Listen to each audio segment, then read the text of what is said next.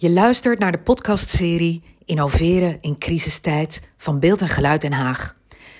Iedere week spreken wij in ons Mediamuseum Hagenaars en Hagenezen met uiteenlopende beroepen. We vragen hoe ze van de coronacrisis een innovatieve kracht maken.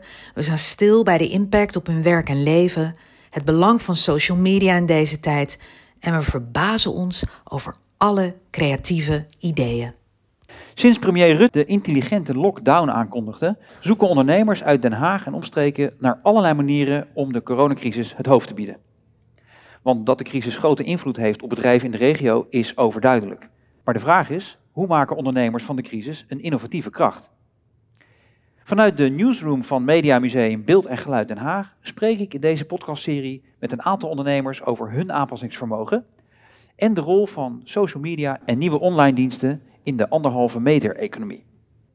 En vandaag kijken we naar vernieuwingen in uh, hypotheekadvies en de makelaardij.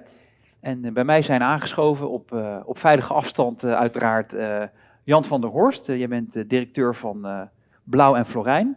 Um, kantoor voor hypotheekadvies en, en assurantie in Den Haag en Rotterdam, geloof ik. Ja, en in Leiden zelfs ook. Leiden zelfs ook, klopt. Oké, okay, dankjewel. Welkom. Um, en ook aan tafel zit uh, Wim Korf, de gids. Jij bent uh, makelaar bij Korf de Gids, makelaarskantoor in, uh, in Den Haag. welkom ook, fijn dat je hier bent. Um, Jan, met jou te beginnen, financieel raadgevers. Ehm, ja. Noem je Blauw en Florijn. waarvoor kunnen mensen bij jullie terecht? Ja, met name hypotheekadvies voor de eigen woning.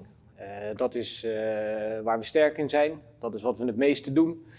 We hebben daarnaast een, een, wat kleinere tak in, in verzekeringen, inderdaad, assurantiën voor, uh, voor particulieren, voor ondernemers. Um, en dat is wat we doen.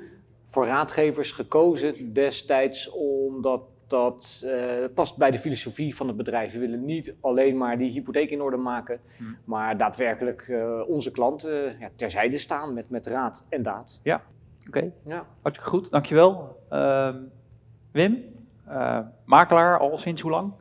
Ik ben zelf uh, toevallig vorig jaar uh, precies 25 jaar beëdigd makelaar. Maar ik ben al meer dan 30 jaar werkzaam in de Haagse makelaardij. Ik heb het bedrijf uiteindelijk overgenomen van mijn vader. We zijn echt een oud okay. familiebedrijf. Korf de Gids is een familiebedrijf. Ja, we bestaan sinds 1921. Volgend jaar bestaan wij 100 jaar. We zijn ook het oudste makelaarskantoor van Den Haag. Oké. Mijn opa die is ooit eh, begonnen in het uh, Bezuidenhout. Aha. En dat is toen heel even plat gebombardeerd met het beruchte bombardement hè, in ja. maart 1944. En toen is mijn opa met mijn vader op de Regentesselaan weer opnieuw begonnen. En ik heb zelf uh, een marketingachtergrond, ik heb HEO gedaan. En ik ben na mijn studie uh, bij mijn vader in de zaak gekomen. En daar hebben we nog tien jaar uh, heel mooi samengewerkt. -huh. en ja, dat heeft nu toch wel gebloeid, uh, ons kantoor. En we zijn echt een uh, kantoor in Den Haag, puur gespecialiseerd in ook woningen. Dus op hetzelfde gebied waar Jan in zit. Ja. we zijn heel actief in aankoop, verkoop, begeleiding van woningen en de woningtaxaties in ja. Groot Den Haag.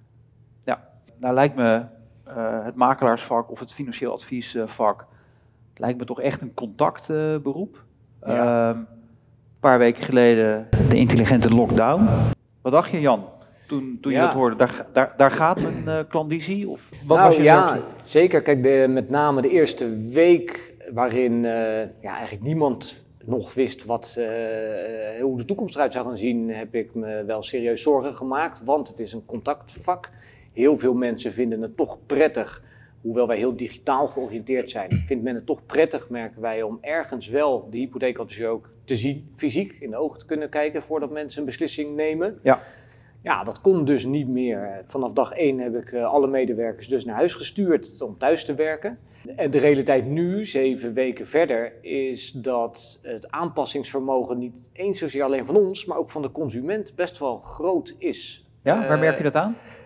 Wij bieden de, de klant de mogelijkheid om via een videocall met ons eh, de zaak te bespreken. En ook in orde te maken waar nodig. En waar in het verleden, want wij konden en deden dat al langer, maar waar in dat verleden mensen liever aan tafel kwamen, bleek het nu makkelijk eigenlijk ook voor de klant om te zeggen, nou goed, dan doen we dat op die manier via een beveiligde verbinding. Kunnen de schermen delen met elkaar, stukken uploaden. En daardoor hebben we een hele beperkte teruggang gezien eigenlijk. Ja, dus de, de schrik van week 1 maakte vrij snel plaats voor toch ook wel opluchting. Ja, gelukkig voor ons. Omdat we zagen dat een heleboel gewoon doorgaat vandaag de dag. Ja, ja Wim, bij jullie zat de schrik er ook uh, goed in. Hè? Want uh, jij nam uh, op een gegeven moment een vlog op. Hè, waar, waarin je nou ja, even reflecteerde op de, ja, op de situatie. En wat, wat was de toon van, die, van dat vlog? Ja, ik denk als ik hem nu terugkijk, met ik wat Jan zegt, uh, de, de sfeer nu ten opzichte van die hè, vijf, zes, zeven weken geleden, toen het allemaal begon, dat dat wel heel anders voelde toen. Hè. Ja, was natuurlijk bedompt, was natuurlijk echt wel even heel serieus. Ik herinner me nog heel goed dat meneer Rutte in onze huiskamers alles insprak en dat ik echt wel s'avonds ook met mijn vrouw zat van ja, hoe ga je dit nu organiseren met je kantoor? Enerzijds met je team, met je mensen, hoe staan zij erin, maar ook natuurlijk maatschappelijk hoe kan ik mijn vak makelen nog zo goed mogelijk uh, uitvoeren? De angst, want je vergeet het ook alweer zo snel na een paar weken, vind ik. Maar de angst toen was natuurlijk ook van, jongens, gaat Nederland helemaal in een lockdown? Met ja. andere woorden, we kunnen niets meer doen. Dus waar wij, uh, ik weet nog heel goed, meteen maandagmiddag een extra teamsessie bij elkaar gehad. Van nou, wat zijn de activiteiten op korte termijn om je werk uit te oefenen? Nou, toen zijn we onmiddellijk begonnen met alle huizen die we in portefeuille hadden, om er allemaal bezichtigingsvideo's van te maken. Zo van, als we dadelijk op slot zitten en we kunnen van huis uit werken, dat we in ieder geval gewoon met een leuke rondleiding het huis nog kunnen laten zien. En waar waren die dan te zien, die video's? Uh, er werd gewoon naar verwezen, uh, voor iedereen die geïnteresseerd is. Achteraf, zeg ik ook heel eerlijk, uh, is het niet nodig geweest.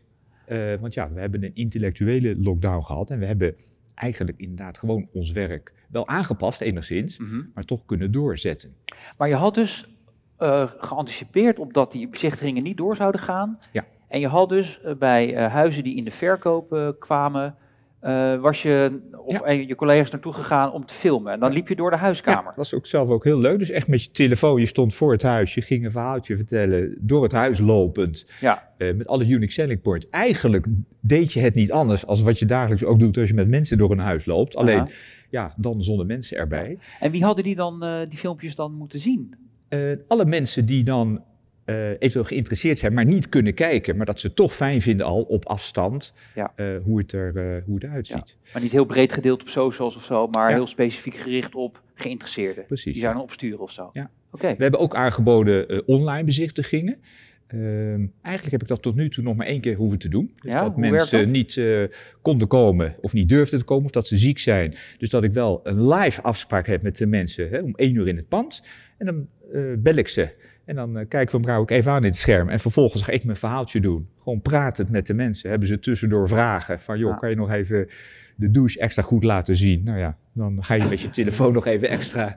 Het uh, was voor mij ook heel nieuw. Maar ja, ik wou, ik wou me wel af, hoe voelt dat voor jou? Dat is toch een hele andere, andere rol absoluut, die je nog bij krijgt. Uh, ja, is absoluut een heel andere dimensie. Maar ik, ik moet zeggen, ja, het, het ging eigenlijk best wel goed. En uh, verkopers waarderen natuurlijk ook zeer dat je dat soort acties ook meteen onderneemt. Uh, en ja, nogmaals, achteraf zijn we natuurlijk blij dat we gelukkig nog voor alle klanten ja, best wel hebben kunnen doorwerken ja. uh, in deze markt. Ja. Jan, als jij dat uh, zo hoort, hè, dat is echt een gebruik maken van, nou ja, laten we zeggen, van een, van een technologische vernieuwing, hè, om toch je vak te kunnen doen. Wat, ja. als je dat zo hoort, wat, wat, wat, roept het bij je op? Ja, ik vind dat mooi om te horen. Dus ik, ik, word er wel enthousiast van. In, in, in zekere zin is dat uh, wat er bij ons veranderd is. Uh, waar, waar, ik vertelde net dat wij de mogelijkheid tot zo'n videocall wel hadden en wel aanboden, maar heel beperkt gebruikten eigenlijk. Ja. Nu noodgedwongen daar veel sterker op in hebben moeten zetten. En we dus nu ontdekken dat dat een vorm van communicatie is die eigenlijk uh, erg goed werkt. bovendien nog best wel wat efficiënter is. Ook soms wat ongezelliger wel. Maar mm -hmm. uh, uh, dat is een middel dat echt wel werkt.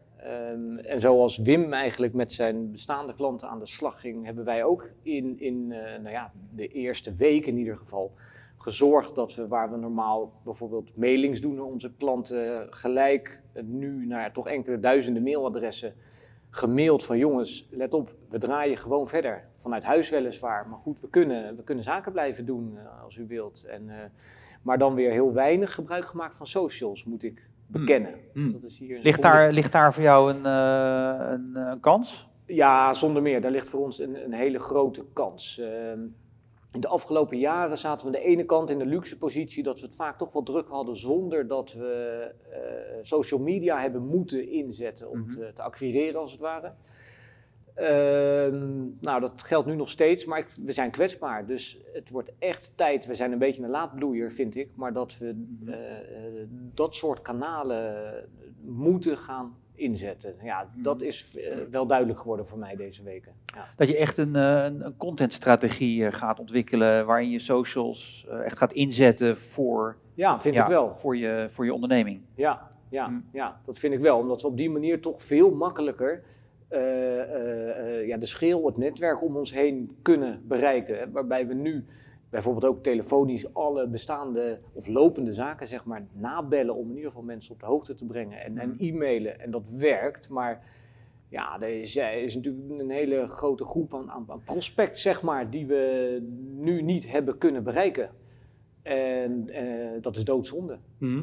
ja. Ja, gaat dat denk je het, het, het, fysieke contact vervangen? Bedoel, is, dat, is dit een, de, de, de werkwijze 2.0 in de anderhalve meter economie? Wat denk ja, jij? het is leuk dat je dat vraagt, want die gesprekken heb ik vaker gevoerd, ook al voor de crisis. Mijn overtuiging is van niet. Het gaat het niet vervangen. Ik denk wel dat er meer een, ja, een hybride model als het ware ontstaat. Dus dat is deels fysiek contact en grotendeels contact op, uh, op afstand. Uh, want dan hebben we een beetje het beste van beide werelden. Aan de ene kant het, het vertrouwen dat je via het fysieke contact beter kunt, kunt creëren, denk ik, merk ik. En aan de andere kant het efficiënter werken door dingen op afstand te kunnen doen. Hè? Dus je, je, hebt alleen al de reistijd niet meer bijvoorbeeld om naar ja. een kantoor te komen. Dus vervangen, dat zie ik echt niet gebeuren. Ook, ook niet in één of twee jaar. Um, maar een hybride model, ja, zeker ja, wel. Maar dan moet je natuurlijk ook de faciliteiten natuurlijk ook voor in huis uh, halen. Hè? Van, uh, als jij een, uh, een, hypotheekadvies wilt geven, hè, goed, iedereen heeft het natuurlijk een keer gedaan, uh, wij natuurlijk ook recent.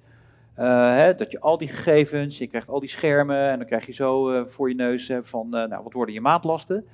Ja. nou, dat, dat gaat fysiek op kantoor. Gaat het net zo goed online op afstand? Ja, dat gaat het zeker. We kunnen, de, de adviseurs bij mij die werken eigenlijk met twee schermen. Dus het, op het ene scherm hebben ze uh, het gesprek openstaan en op het andere gesprek hun uh, adviessoftware. En de adviseur kan dus ook het tweede scherm delen met de klant, zodat de klant ook mee kan kijken uh, hoe de maandlasten bijvoorbeeld eruit zien, hoe een hypotheek wordt opgebouwd. Ja. Hoef je niet per, per se voor bij elkaar te zijn. Nee, dat hoeft niet. Hm. Dat hoeft niet. Dat gaat op deze manier best wel goed eigenlijk. Hm. En dus daar zie ik dan wel een verschuiving, denk ik straks. Omdat wij zelf, ja, en daar wordt het ook leuk voor mij als ondernemer, dat we dus hier nu toch ook kansen gaan zien. Dat, dat klinkt gek, want er zijn veel ondernemers die het heel zwaar hebben, dat hm. besef ik. Ja, en wij zitten nu ook in een positie waarin we de, de positieve kanten kunnen oppakken. En dus in, in, de communicatie met de klant nu uh, ja, een verschuiving zullen gaan zien. Ja, ja. Op ons initiatief straks na de crisis. ja. ja. Het lijkt je een beetje te verrassen hè, dat dit eruit uh, komt. Ja, misschien zaken die een beetje in de pen zaten wellicht of in het achterhoofd die dan nu noodgedwongen versnellen. Zeg maar. Ja. De hypotheekwereld is echt in verregaande mate aan het digitaliseren. Dat is een hele goede zaak, vind ik. Hm. En uh, ja, misschien gaan wij nu strakjes ietsje meer voor de muziek uitlopen dan dat we het voorheen erachteraan liepen. Ja. ja. Wim, is dat een herkenbaar verhaal? Ja, ja heel herkenbaar. Toen we natuurlijk alle maatregelen gingen nemen met uh, onrust in deze tijd, was natuurlijk ook hè, de, de office, managers, office managers die gingen thuiswerken. Maar ja, dan moesten we eerst natuurlijk als de wiede weer zorgen dat daar ook de thuiswerkplekken ook goed functioneerden. Ja, nu weet je al na een paar weken niet anders. Ik vind het overigens wel nog steeds verdomd saai hoor, dat je niet als team bij elkaar bent. Dus ik denk absoluut uh, dat het nog steeds heel belangrijk is, juist wel. Hopelijk straks weer dat je wel als team bij elkaar zit. Want hm face-to-face, zowel met de klant, maar ook met je mede-collega's. Ik denk dat dat gewoon nog heel uh, belangrijk is. Ja. Maar het, het leuke is wel, ja, het werkt wel inderdaad op afstand. Ik heb uh, uh, echt een aantal keren per week hele leuke intakes. We ontvangen in principe geen klanten, nu even op kantoor. Maar ik heb goede intakes, inderdaad via Zoom.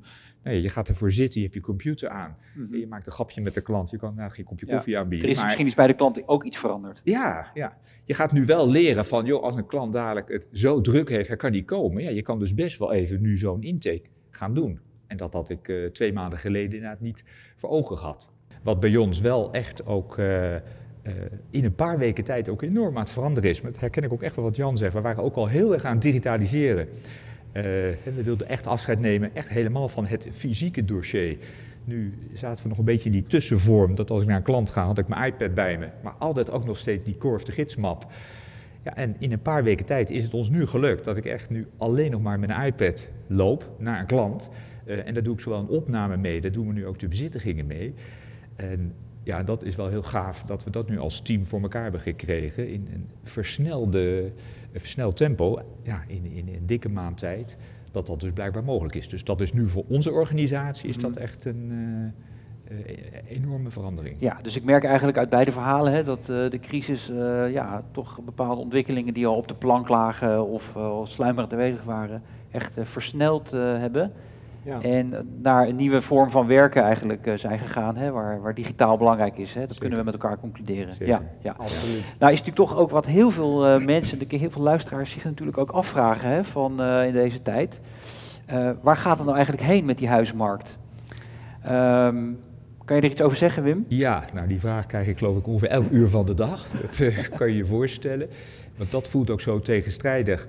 Uh, ik, ik, heb het loeidruk. Je durft het haast niet naar een mede-ondernemer te zeggen. Uh, we hadden het er net over. Uh, de huizenmarkt op dit moment lijkt amper te lijden door corona. Ja. En, en dat voelt natuurlijk heel raar, mm -hmm. want het, is natuurlijk, het blijft een hele gekke tijd. en dat is ook nu spannend. Van, ja, hoe zal het nou gaan met die recessie die eraan komt? Uh, het, dat ene spanningsveld ten opzichte van het spanningsveld, de schaarste van de woningmarkt. We moeten dat afwachten, uh, wat het uh, gaat brengen. Ehm, we ronden af. Ik wil u, jullie, Jan, Wim, hartelijk bedanken voor eh, jullie komst. Ehm, daarmee sluiten we ook deze podcast af. Mijn naam is Pelle Matla en ik dank iedereen voor het luisteren. Luister iedere donderdag naar een nieuwe podcast op alle social kanalen van Beeld en Geluid Den Haag.